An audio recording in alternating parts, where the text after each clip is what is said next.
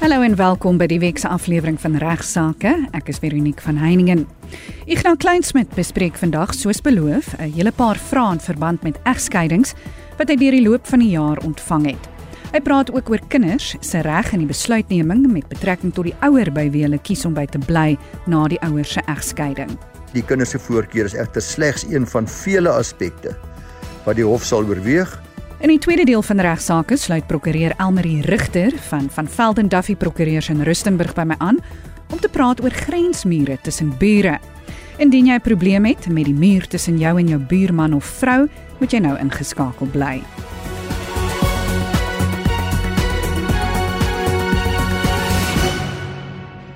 Die week begin ons die program met Ignas wat weer praat oor egskeidings en hy het deur die loop van die jare 'n hele paar navrae in die verband ontvang en vandag bespreek hy van die navraag. Goeiemôre aan u almal en veral ook 'n spesiale goeiemôre aan al die luisteraars wat die moeite doen om vir my te laat weet hoeveel u die program geniet. Ons by die Prokureursorde van Suid-Afrika hoop dat hierdie program vir u so 'n bietjie resgeleerd maak en die reg bietjie meer toeganklik maak. Die lekkerste vir alles is dat ek met u in Afrikaans kan praat en op 14 Augustus, is vandag die 14 Augustus, maar in 1875 is die genootskap van regte Afrikaners gestig en soos baie van julle weet, het hulle 'n groot rol daarin gespeel om dit vandag nog vir ons moontlik te maak om 'n lekker Afrikaans met mekaar te kan kommunikeer.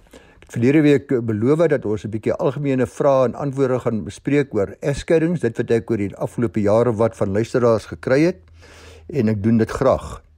Eerste een is luisteraar wil weet wat is haar regte as my man samelewing ondraaglik maak. Nou eerstens luisteraars, jy weet op gesinsgemeld kan dikwels suksesvol hier toegepas word want jy kan 'n bevel kry by die plaaslike landroskantoor redelik maklik om 'n ander party deur 'n interdik te verbied om voort te gaan met die optrede wat samelewing ondraaglik maak. Dit sluit in gedrag soos aanranding, tuistering, mishandeling van die kinders, ag en 'n hele reeks optredes wat daar dan 'n hofbevel deur die interdik deur die hof toegestaan sal word wat vir die man sê hou asseblief op en hy kry dan 'n datum waarop hy kan kom sê hoekom die bevel nie finaal gemaak moet word nie. Die meeste gevalle sal landroste hierdie bevel toestaan omdat daar niks is om te verloor nie want dit is in elk geval goed wat die man of die vrou nie mag doen nie. Dan vra 'n ander luisteraar, sy sê haar man wat die geld hanteer, hou elke keer die beursie toe wanneer hulle in 'n stryery betrokke raak. Wat is haar regte want hy gebruik sy beursie en die feit dat hy die enigste broodwinner is om haar te intimideer. Nou wanneer die party wat die beursie dra finansiële ondersteuning weerhou, dan het die ander party wel opsies om te volg. Eerstens natuurlik kan mense onderhouds of nader vir 'n onderhoudsbevel. Dit is nou terwyl mense nog getroud is. Die broodwinner het 'n onderhoudsplig teenoor die gesin en kan dit nie ontduik bloot omdat daar onenigheid by die huis of stryery is of ongelukkigheid tussen huweliksmaats nie. So u kan hoef nie in 'n egskeiding betrokke te wees om onderhoudshof te nader nie. Afgesien van 'n bevel deur die onderhoudshof as jy wel in die proses van 'n egskeiding is of wil begin met 'n egskeiding, dan kan jy daarmee saam ook 'n aansoek bring by die Hof op die Streekshof om tussentydse onderhoud vir u en die kinders te verkry. Dieselfde geld ook soos ek voorheen al gesê het vir eh, 'n uh, bydrae tot u regskoste.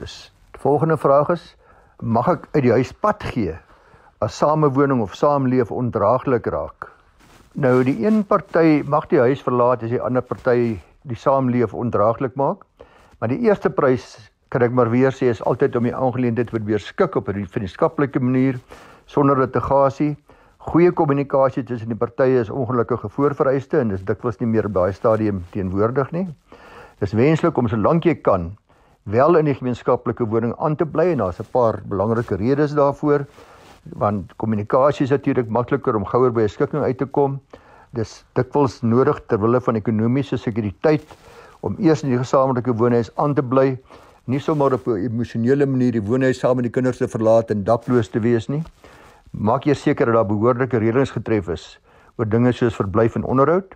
En veral waar daar kinders is, is dit wenslik om eers alle aspekte oor die kinders se belange met die teenparty probeer skik en natuurlik is mediasie ook altyd dan makliker.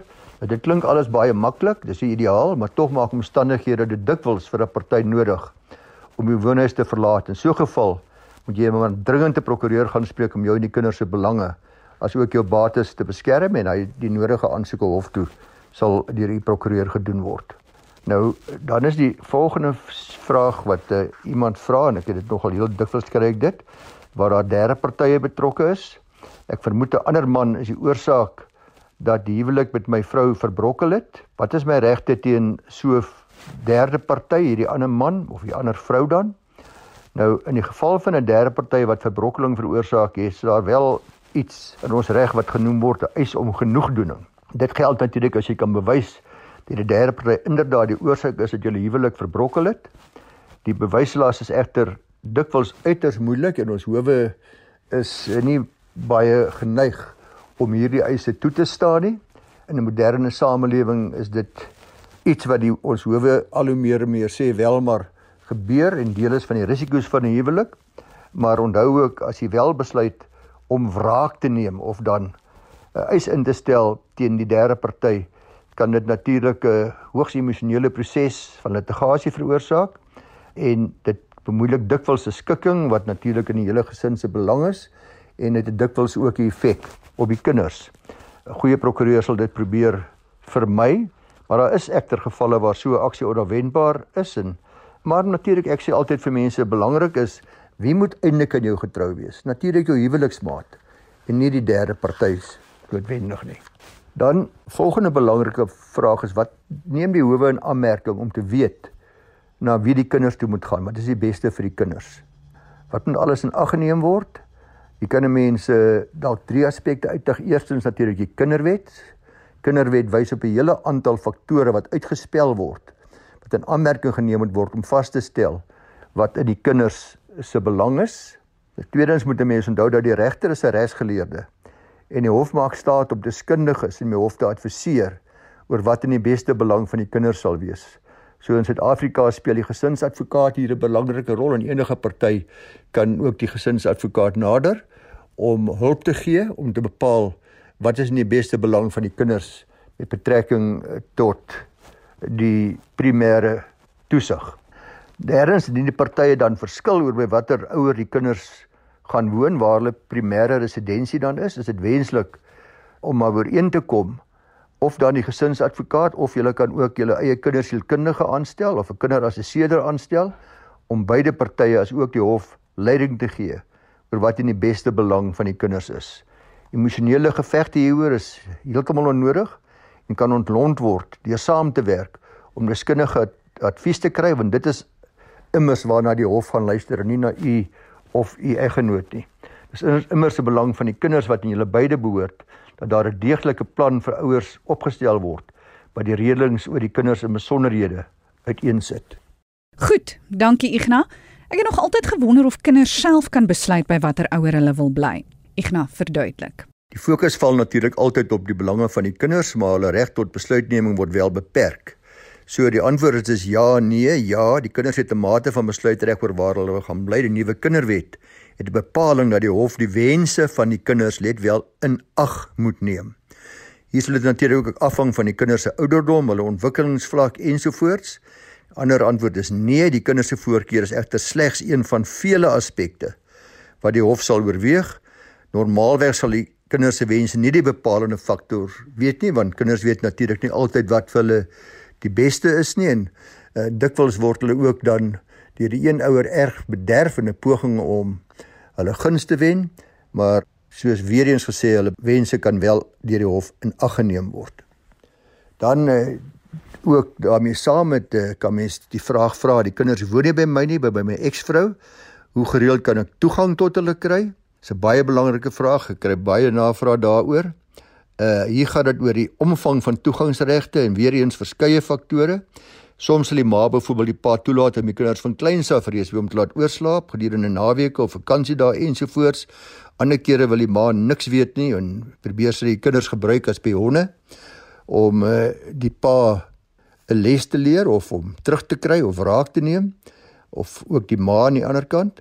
Die norm is dat die ander party die kinders tot hulle ongeveer 3 jaar oud is by hulle tuiste moet besoek of mag besoek.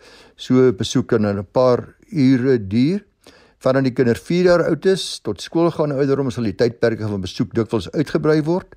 Dikwels van die ander party ook toegelaat word om die kinders vir 'n dag lank weg te neem vanaf die ouderdom dat die kinders begin skool gaan, is die norm 2 naweke per maand as ook afwisselende vakansies, maar onthou, dis maar slegs rowwe aanduidings. Dikwels sal die ouers ooreenkom om byvoorbeeld die primêre toesig te deel op 'n 50-50 basis en ander kere as daar 'n goeie verhouding is met ma en pa, sal die kinders baie meer gereeld by die ander party kom as wat ek nou te kenne gegee het.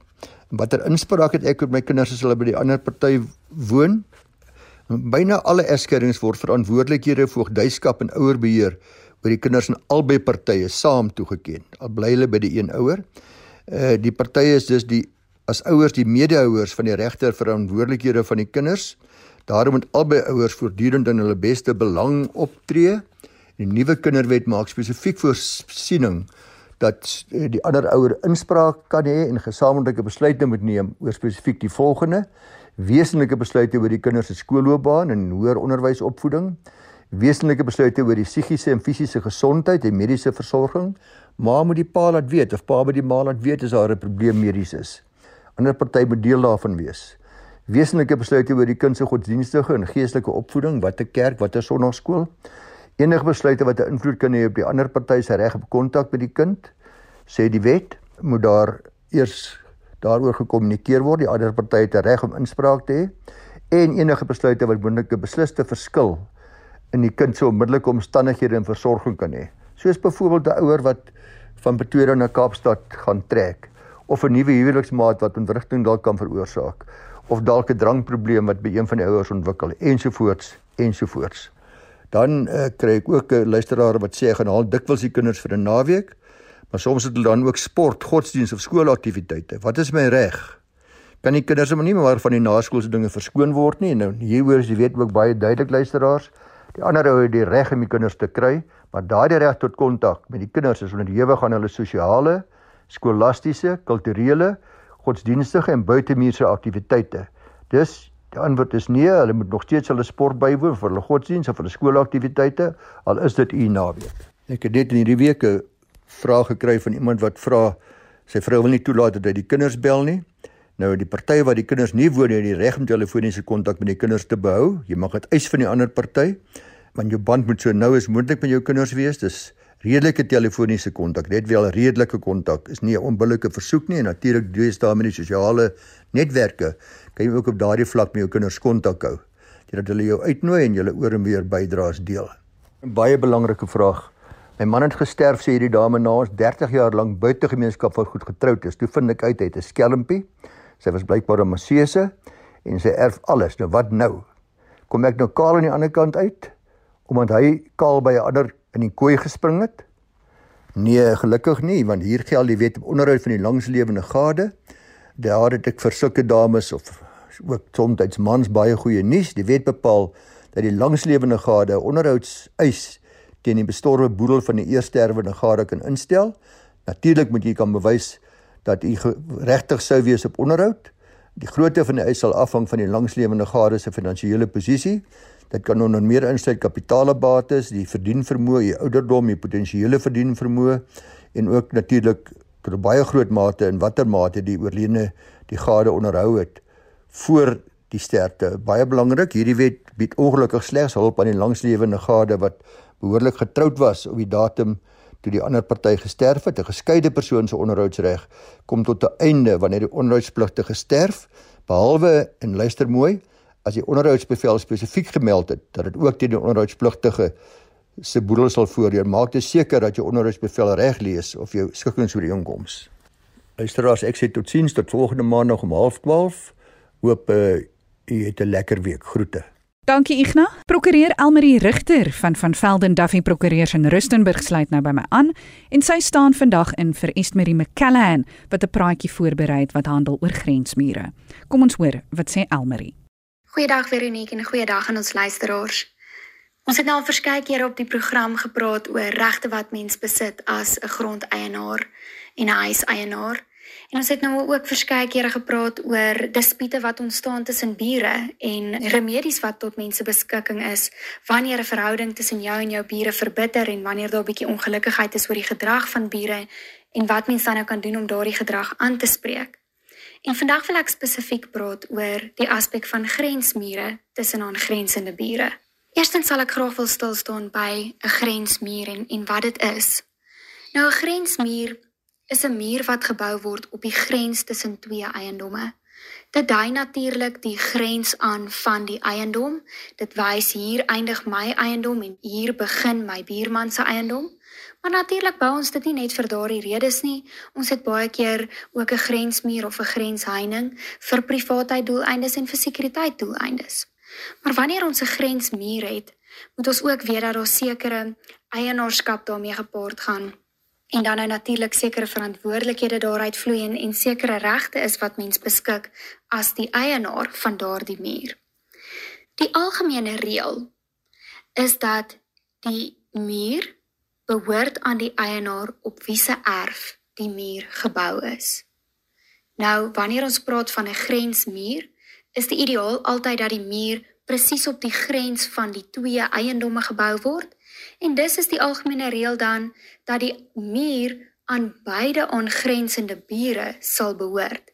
Dis sal beide bure gesamentlike eienaars van hierdie muur wees. En dis die algemene reël.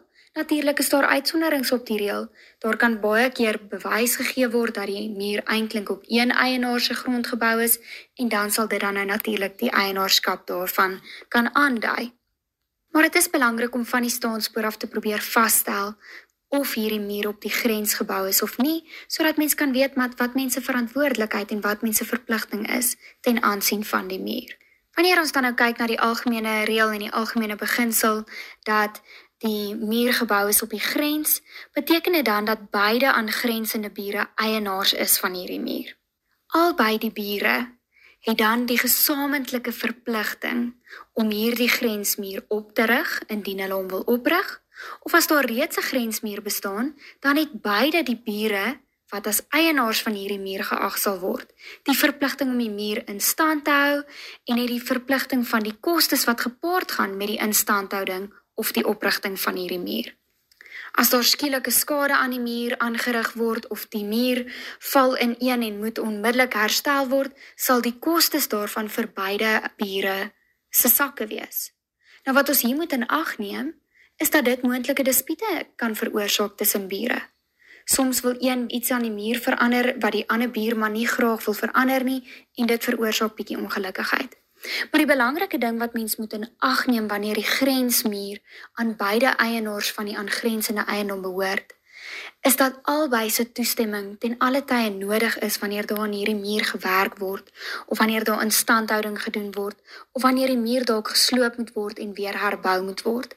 Die toestemming van beide partye is hier baie belangrik. Daarop volgend op die toestemming is die samewerking van beide bure natuurlik belangrik en dan nou soos ek reeds genoem het, is dit belangrik vir beide partye en beide bure om die kostes van hierdie oprigting of instandhouding of sloping of herbouing of wat dit ook al mag wees, om die kostes daarvan te deel en saam te dra. In ons regstelsel bestaan daar dan nou ook 'n ander uitkyk teenoor grensmure. En dit is om te sê dat die muur nie eintlik aan albei die eienaars van die aangrensende gronde behoort nie. Dit is nie 'n gesamentlike eiendom nie, maar dat die deel van die muur wat op jou eiendom behoort, dat slegs daardie deel van die muur jou verantwoordelikheid is en dat jy slegs eienaar is van daardie deel van die muur. Dit is 'n opinie van die minderheid van ons regsgeleerdes, maar dit is ook 'n beginsel wat wel toegepas kan word en wat al in ons howe toegepas is, waar die howe dan nou kyk proporsioneel watter deel van die muur is op wie se eiendom en dis daar is slegs eienaarskap ten aansien van daardie porsie van die muur. Dis sal jy dan nou verantwoordelik wees vir jou kant van die instandhouding van die muur en jou buurman verantwoordelik vir die instandhouding van die kant van sy muur. En indien daar enige drastiese kostes is soos die herbou van die muur of die sloping van die muur of hoe dit nou ook al mag sê, dan sal daardie kostes proporsioneel gedeel word tot die deel van die muur wat op jou grond behoort. Maar soos ek sê, die algemene reël is dat albei eienaars maar verantwoordelikheid aanneem vir die muur, maar daar kan nou ook natuurlik aangedui word dat slegs 12% of 20% van die muur op my grond is en daardie argumente sal dan ook kan seefuur en behoorlik aangevoer word in die hof en dit is ook 'n argument wat die hof wel op agslaan. In sommige gevalle is die muur dan nou ook nie op die grens van die twee eiendomme gebou nie. En is die muur eintlik net op een van die bure se grond gebou. Dan word dit nog steeds genoem 'n grensmuur omdat dit half die einde van een erf aandui en die begin van 'n volgende een aandui, maar regstegnies word dit nie geag as 'n grensmuur nie en is slegs die eienaar op wie se grond die muur dan nou staan verantwoordelik vir die instandhouding van die muur, verantwoordelik van die oprigting van die muur en so meer. Die ander buurman op wie se grond die muur nie gebou is nie, kan dan nie verantwoordelik gehou word vir enige kostes wat gepaard gaan met hierdie muur nie. Slegs die eienaar van die grond op wie se grond die muur gebou is, sal dan nou verantwoordelik gehou kan word vir daardie kostes. Soos julle nou kan dink, skep grensmure natuurlik ook 'n geleentheid vir dispute tussen bure. In baie gevalle en ek wil amper sê in meeste gevalle, is die bure inskikkelik wanneer dit kom by 'n grensmuur en is beide bure gewoonlik genee om hulle samewerking te bied en om die kostes te deel wat daarmee gepaard gaan. Maar dan het ons ook ons uitsonderlike gevalle waar 'n verhouding maar verbitter het tussen bure of een buurman het onredelike verwagtinge en dan ontstaan daar ongelukkig dispute wanneer dit kom by grensmure. Een van die groot dispute wat baie ontstaan en ek sal dit graag net hierdie voorbeelde met julle wil deel is wanneer bure weier om hulle samewerking te gee met die noodsaaklike herstel van 'n muur. Of wanneer ek nou praat van samewerking, dan praat ek nou ook natuurlik van finansiële ondersteuning. En ehm um, in baie gevalle plaas dit die een buurman wat gewillig is om die muur te herstel in 'n moeilike posisie wanneer die buurman nie sy of haar samewerking wil gee nie. Daar is dan nou natuurlike remedie tot daardie buurman se beskikking Hy kan die muur herstel op sy eie onkoste en dan daarna 'n regsproses volg om helfte van daardie kostes te verhaal van die ander buurman af. Of natuurlik kan die hof genader word, veral in dringende gevalle waar dit uiters noodsaaklik is om hierdie grensmuur op 'n dringende basis te herstel. Dan kan hy die hof nader en hy kan vir die hof vra vir 'n bevel wat beveel dat die muur gesloop en herstel moet word of beveel dat die muur herbou moet word of wat ook al die omstandighede ook al mag toelaat en daardie hofbevel kan dan nou ook voorsiening maak dat die ander buurman ook verantwoordelik moet wees vir helfte van die kostes wat daarmee gepaard gaan. Natuurlik en soos wat ons baie keer op hierdie program ook vir julle as luisteraars sê, Die hofproses en litigasie is maar altyd ons laaste opsie, maar soms is 'n kwaai prokureursbrief maar wat mens nodig het om hierdie dispute aan te spreek en kan dit ook natuurlik baie suksesvol wees. Ek beveel wel aan dat jy maar 'n prokureur gaan sien wanneer hierdie tipe dispute ontstaan. Elke omstandighede verskil van mekaar en elke saak verskil van mekaar en dit is maar belangrik om goeie advies in te win. 'n Verdere algemene dispuut wat gereeld ontstaan met grensmure is wanneer die een buurman sonder die toestemming van die ander elektriese heininge oprig of een of ander sekuriteitmaatreël oprig op die grensmuur sonder soos ek gesê die toestemming van die ander buurman. In baie gevalle kan dit dan nou ook tot onnodige litigasie lei. Dit dui weer eens op die belangrikheid om toestemming en samewerking van die buurman te bekom alvorens enige stappe geneem word ten aansien van 'n grensmuur. Ek sal net graag ter afsluiting ook met julle wil praat oor die oprigting van 'n grensmuur wanneer daar nog nie 'n grensmuur bestaan tussen twee eiendomme nie. Weereens wanneer 'n grensmuur opgerig word, is dit baie belangrik om toestemming en samewerking van die buurman te bekom. En dan ook is dit belangrik om werklik die grenslyn van die eiendomme vas te stel. Dit kan dan nou natuurlik gedoen word deur 'n landmeter te kry en om mooi te kyk na die planne van die eiendomme en die uitlegging van die erwe. 'n Tweede belangrike aspek wat in ag geneem moet word met die oprigting van hierdie grensmure, is dat daar sekere vereistes is waaraan die mure moet voldoen en dit is in munisipale verordeninge vasgestel. Die die reëls en regulasies van die munisipaliteit stel byvoorbeeld reëls in plek oor die hoogte van die muur, die standaard waaraan die muur moet voldoen estetiese oorwegings in besonder in 'n sekere dele van 'n dorp en daarom is dit belangrik om voordat 'n muur opgerig word om seker te maak dat mense na die munisipale verordeninge kyk om aan daardie vereistes ook te voldoen. Indien mens 'n grensmuur oprig sonder om aan die munisipale vereistes te voldoen, kan die plaaslike owerheid of bevel kry wat mens beveel om daardie muur te sloop en te herbou op mense eie onkoste en mens wil natuurlik ook daardie roetes vermy. Ek glo dat ek met hierdie gesprek die basiese beginsels van 'n grensmuur aangespreek het. Daar is natuurlik baie diepte wat daarmee gepaard gaan en verskeie remedies tot mense beskikking afhangend van die omstandighede en die speed wat jy op jou hande het. En daarom beveel ek aan dat mense prokureur gaan sien indien daar wel 'n dispuut op mense hande is of indien daar 'n probleem is om toestemming van 'n buurman te bekom wanneer dit gaan oor 'n grensmuur. Baie dankie aan Ignas Kleinsmid, Elmarie Rigter en Esmerie McCallan van van Veldendag vir prokureurs in Rustenburg vir hulle bydraes tot vandag se program.